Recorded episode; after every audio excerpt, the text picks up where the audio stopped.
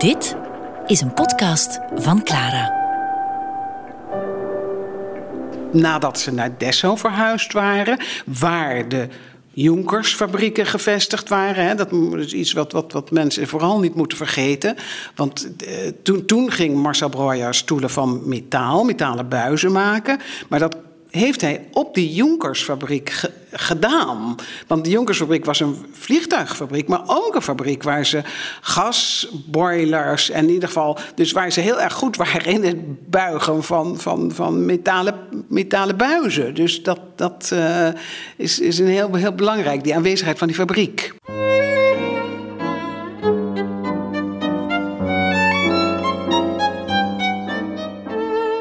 Simon Thomas over de fameuze metaalmeubels van de Hongaarse ontwerper en later architect Marcel Breuer, zoals hij die al fietsend door Dessau bedacht. He dismantled the old club chair and made it out of very thin lines. Regina Bittner, een van de curatoren van het nieuwe Bauhausmuseum in Dessau, legt uit waarom de B3 of Vasili Clubzetel een scharnierstuk is in het museum. His idea was that life gets lighter and lighter. Restaurateur Gerry Vervoort weet waarom elke buiging van dat metaal zijn doel heeft. Al die ontwerpen zijn echt doordacht door trial and error. Waardoor de buismeubels tot op vandaag populair zijn gebleven. Naast de materiaalkeuze is standaardisering een belangrijk aspect van industrieel ontwerpen. Uit naam van de efficiëntie. Daar zet de Bauhaus heel erg op in.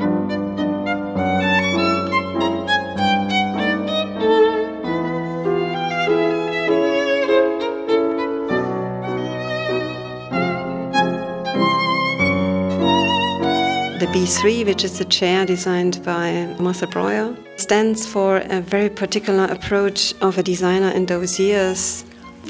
Yeah, in a way, it is a kind of a translation of a typical club chair we are all familiar with. It's based on upholstery, it's very comfortable you feel very safe, but you always have problems to get out of such a chair because once you are stucking into, then you feel very comfortable and do not want to move anymore. It's belonging to a certain bourgeois environment. So it's a very introduced object type for, one could say, the 19th century interiors. And it's framing in a way what Walter Benjamin once called the 19th century obsession with dwelling, where in a way human beings were all in a way covered in velvet, in upholstery, in layers of curtains. And in a way, one of the agenda of Bauhaus and Bauhaus students within that school was certainly to transform this way of life. And what Breuer did in a way, he dismantled the old chair, so the old upholstery club chair, and made it in a way that it's just framed out of very thin lines, being based on uh, sort of planes or fabrics. And this chair itself is really something that, in a way, is reduced to a minimal, but still is being recognizable as um, club chair, um, as a chair where you can still sit in, but has lost all of this kind of comfort, probably, that's been conceived from the 19th century interior perspective. In de jaren 70, 80 zijn er heel veel kopies op de markt gekomen van ontwerpen van Bauhaus. De Vasili-stoel is er echt een heel goed voorbeeld van. Ik denk dat je hem frequent in de kringloop tegenkomt, maar dat zijn meestal geen echte. Maar er zijn heel veel zaken gekopieerd en kopiëren is niet goed, dat mag niet. Dat toont wel aan dat iets populair is. En ik denk dat die ontwerpen een zekere populariteit wel gekend hebben en tot op de dag van vandaag nog steeds kennen. Zij het meer in een soort van iconisch profiel dan dat vroeger echt een gebruiksobject was, is het nu een soort van stuk dat, dat mensen hebben als van ik heb een meubel van Marcel Breuer. Terwijl vroeger was het ik vind dat mooi. At the end, he proposes that a woman should sit on a column of air. So, when we conceived this chair for a long period of time as a very iconic Bauhaus piece stemming from the Bauhaus Dessau, uh, we often forgot that it was only a step in between. A step in between getting rid of all of this, you know, heavy material objects. And his idea was that life gets lighter and lighter, and we are getting more and more mobile, and that we are losing gravity. So, this idea of lightweightness so the steel frame chair, Marcel Breuer designed them and showed them also in the Walter Gropius houses here in, in the Weisenhof estate. Uh, Marsdam designed special steel frame chairs, his famous chairs, for his houses in the Weisenhof estate. And it is said that there was a party where Mies van der Rohe and Marsdam met, and Marsdam draw his shape of chair, and Mies van der Rohe saw it and said, "Oh, what a good idea!" But I will find a more elegant curved form. And he invented his famous Freischwinger MR20 for his apartment house in the Weisenhof estate. Je stoel, om even te duiden, is in tuigleer. De tuigleer is een stug leer, maar dat geeft nog altijd een klein beetje mee.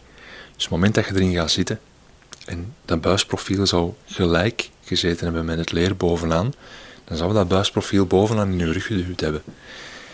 En hoe het buisprofiel nu naar achter gebracht is, is eigenlijk iets verder dan de maximum doorbuiging van het leer. Dus al die ontwerpen zijn echt doordacht door trial and error. Misschien dat er in een eerste prototype of zo die buis wel bovenaan gezeten heeft en dat hij zelf bij het zitten gemerkt heeft van oh, dat is helemaal niet comfortabel, ik ga dat aanpassen. En dat er op die manier eigenlijk dat ontwerp tot stand komt.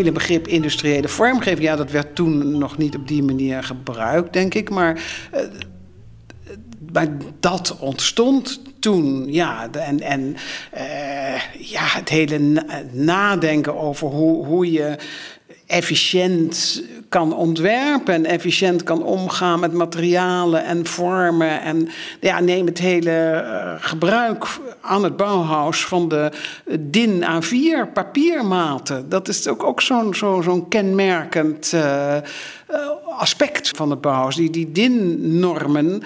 Uh, die, die waren, ik meen uit 22 of zoiets, dat, dat die uh, zijn vastgesteld.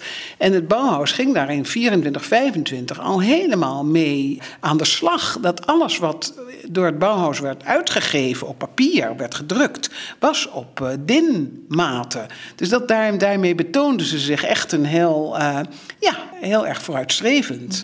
Maar wat minstens zo, zo belangrijk was, in Duitsland vooral, is het afschaffen van de hoofdletters. En de, Duitsers die elk, elk zelfstandig naamwoord met een hoofdletter schrijven, dat werd allemaal overboord gegooid, ook uit naam van de efficiëntie. Dus alle teksten werden in kleine letters onderkast geschreven. Ze wilden echt communiceren. Ze wilden bekendheid geven aan de school, maar ook aan de producten die er gemaakt werden. Want dat is ook iets wat, wat je niet moet vergeten. Het Bauhaus was een school, maar ook een productiebedrijf. Er werd gewoon geproduceerd. De, de, studenten die zaten een paar uur per dag gewoon productie te draaien in, in, de, in de werkplaats uh, te werken voor, om, voor, om producten te maken. Die werden verkocht en daar moest geld mee verdiend worden.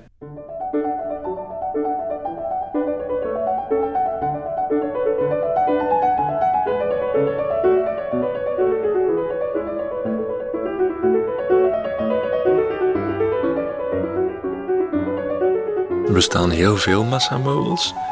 En we werken heel vaak aan massameubels. Maar dat zijn massameubels die allemaal massaal de fabriek, zal ik het noemen, verlaten hebben. En die gaan allemaal naar individuele gezinnen. En dat individueel gezin kent zijn eigen waarde toe aan een meubel en brengt gebruikssporen aan, gewild of ongewild, aan een meubel. Gaat bepaalde slijts creëren aan een meubel door... Ik had, ik had eens een klant en die had, uh, die had altijd zweethanden.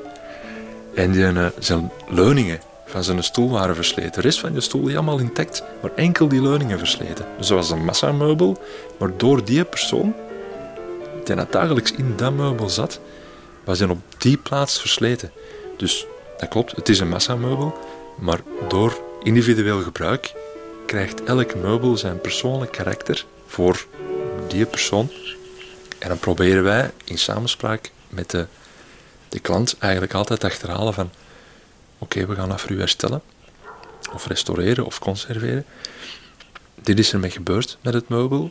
Waarschijnlijk te wijten aan die oorzaak. Meneer in kwestie zijn zweethanden. Hoe gaan we dat oplossen? Hoe kunnen wij hè, een antwoord bieden? Voor hebben wij gewoon niet warmleuningen vervaardigd, maar we hebben al klanten gehad die helemaal links op een stoel zat en die links harder versleten was dan rechts. Dan gaat in, in discussie bijna door mensen opnieuw te leren zitten op een meubel. Hoe dat je dan eigenlijk, zonder te dwingen natuurlijk, want dat is, dat is heel persoonlijk. Iedereen moet voor zichzelf bepalen hoe dat hij in een stoel wilt zitten. Maar ik had een andere klant en de zoon, die brak altijd een pot. En ik wist niet wie, er waren zes stoelen aan tafel. En um, er was altijd een pot kapot.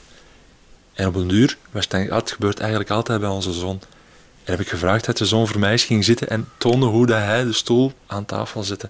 Die gaat zitten en op het moment dat hij zit, schuift hij over de oude kerkpavage vloer, die heel onregelmatig was, en hij haakt met zijn poot achter zo'n oude kerktegel, waar in, in Vlaamse huizen wel aanwezig is af en toe. En die brak op die manier, omwille van een hefboom, brak die een pot. En dan heb ik aan de zon uitgelegd van ja, op die manier moet je eigenlijk niet gaan zitten. Je moet een klein beetje je billen lichten en je stoel bijtrekken. Zeker op deze vloer. En daarna hebben we nooit meer schade gehad bij die klant. Maar dat zijn zaken, dat is, dat is heel persoonlijk. En dat is, ook een massameubel, maar die schade, of die gevolgschade, of die oorzakelijke schade, heeft niks meer te maken met, met in welke aantallen dat, dat geproduceerd werd.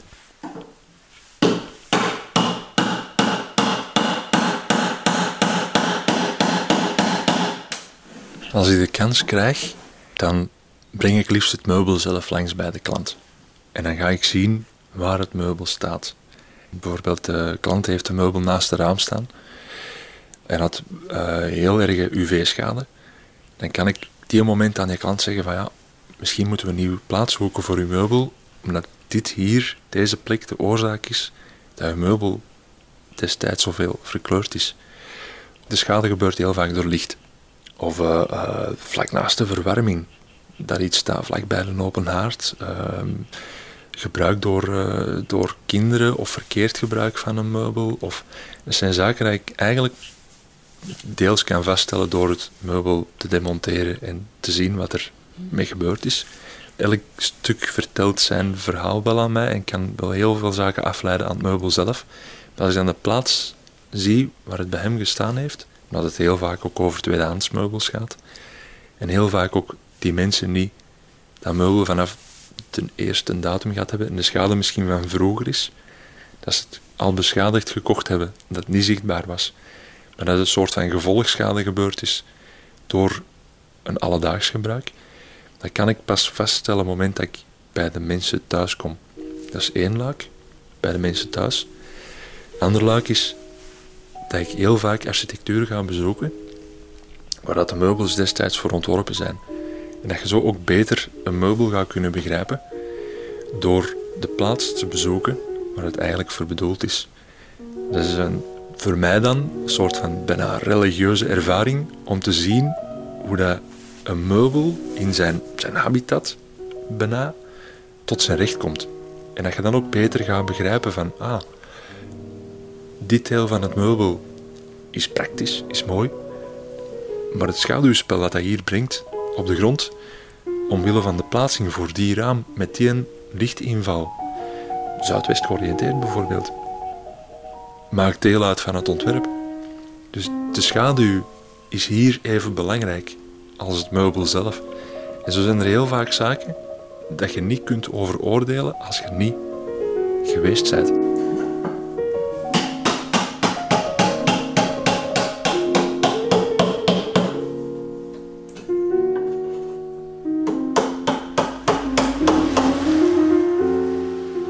Zeg altijd, uh, als iemand langskomt, dat ons werk niet mag gezien worden. Hetgeen dat wij doen, mag geen deel uitmaken van het meubel. In die zin dat als wij een restauratie uitvoeren van een stoel, dat je niet mocht zien dat het gerestaureerd is. Want als je zou zien dat een meubel gerestaureerd is of hersteld in de mindere mate, dan hebben we het niet goed gedaan. Want dan, dan is het zichtbaar wat wij hebben toegevoegd. En eigenlijk mag onze toevoeging niet aan het oog, mag er niet gezien worden. En daarom gaan we altijd op zoek om zo dicht mogelijk bij het origineel te komen. Bijvoorbeeld, uh, vroeger werden alle schroeven en bouten een kruiskop. En tegenwoordig dat heel vaak inbus. Waar een soort van zeshoekige vorm is, waar een sleutel in past. En kruis is iets, als je een schroef aandraait, daar kan je schroevendraaier al eens uitspringen waardoor dat je eigenlijk de schroef beschadigt. En die inbus, dus de zeshoek, daar past een sleutel in. En omdat hij op meer vlakken raakt, ga je die niet zo gemakkelijk forceren of eruit dwingen. Dus eigenlijk op gebied van hardware, van schroeven en bouten en moeren, vooruitgang. Producenten gaan dat gebruiken natuurlijk, omdat ze op die manier per meubel x aantal seconden kunnen winnen maar dan ook sneller eens te kunnen produceren. En op een dag is er dan misschien één stoel extra gemaakt ten opzichte van dat er anders een stoel minder zou gemaakt zijn. Nu, als wij een meubel restaureren en die zijn bestaande bouten is een kruisverbinding, maar die bouten zijn dusdanig de draad geraakt of verroest of doorgebroken, dan moeten wij op zoek gaan naar precies dezelfde bout, met precies dezelfde afwerking. En dan komt er soms op neer dat wij bouten moeten maken om exact dezelfde te hebben als de rest van het meubel. Je kunt niet hebben dat je in een meubel en je hebt bijvoorbeeld de verbinding zichtbaar, zoals bij de Vasili-stoel van Breuer. Die zijn geschroefd in het frame. Zit de verbinding, als je onder een stoel gaat kijken, is die zichtbaar. Ik had laatst een klant en de bouten die doorgebroken waren, was door inbus vervangen. En er zit dan normaal nog een afstandsbus tussen, die was weggegooid. Uh, waardoor dat er eigenlijk Normaal gezien zit de kop, de schroefkop, vlak met het frame. En nu zat de inbus in het frame ingeschroefd. Nu, als je gewoon gaat zitten, merkte dat niet. Het was niet zichtbaar. Op het moment dat je dan onder het meubel gaat kijken of langs opzij van op een afstand kijkt, dan was dat wel zichtbaar. Dus dan gaan wij specifiek voor dat meubel hebben we dan bouten vervaardigd en afstandbussen vervaardigd die dat erin passen, zodat dat terug gewoon gelijk aan het frame komt te zitten. En je hebt klanten bij die dat niet merken, maar die mevrouw in kwestie, die zei van, oh maar dat is, dat is kei tof dat je dat gedaan hebt, dat dat terug gelijk zit. Dus die had dat onmiddellijk gezien en dat is voor ons heel plezant.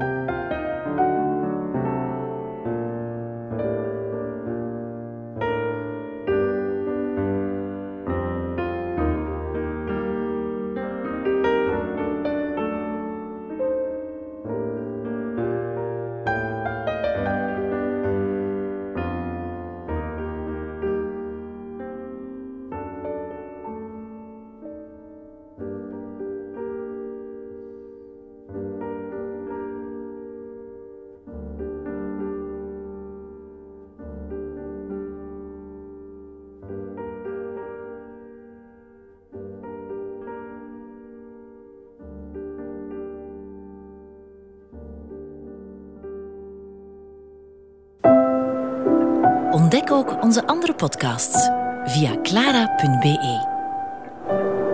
Clara Podcast. Blijf verwonderd.